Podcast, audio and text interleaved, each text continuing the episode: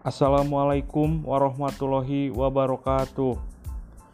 Perkenalkan, nama saya Jenny Arifin, Unit Kerja SDN 1 Sukanagara, Kecamatan Jatinagara, Kabupaten Ciamis.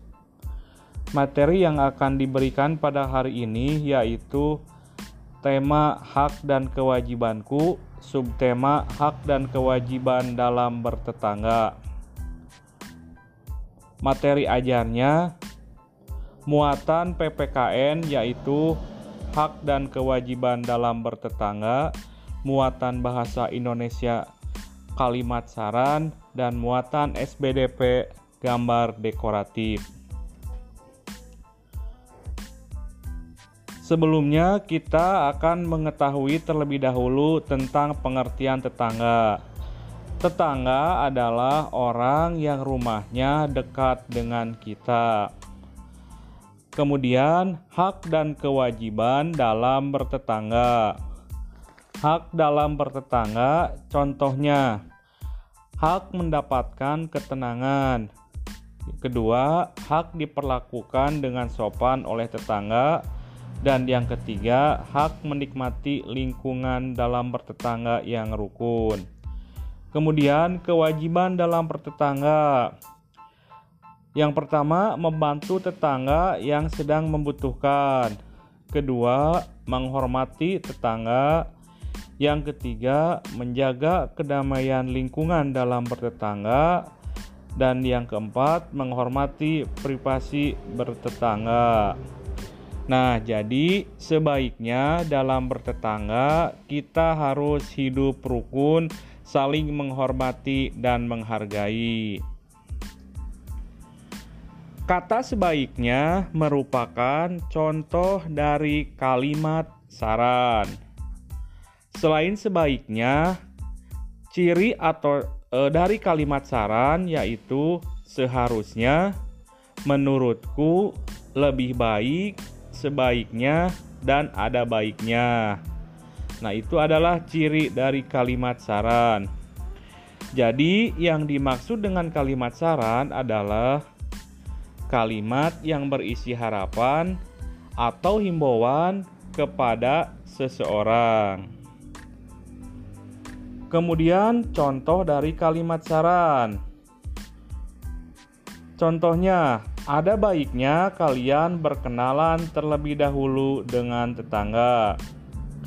Sebaiknya kamu di rumah saja menemani adik kamu. Lebih baik kamu berobat ke dokter.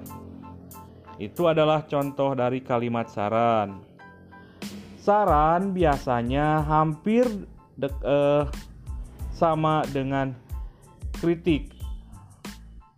Saran biasanya berisi tentang perbaikan, sedangkan berbeda dengan kritik yang image-nya lebih ke arah negatif atau komentar negatif.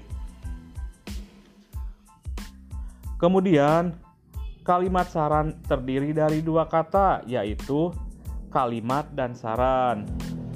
Kalimat sendiri merupakan kumpulan dari beberapa kata yang terdiri atas subjek dan predikat, atau bisa ditambah objek dan keterangan.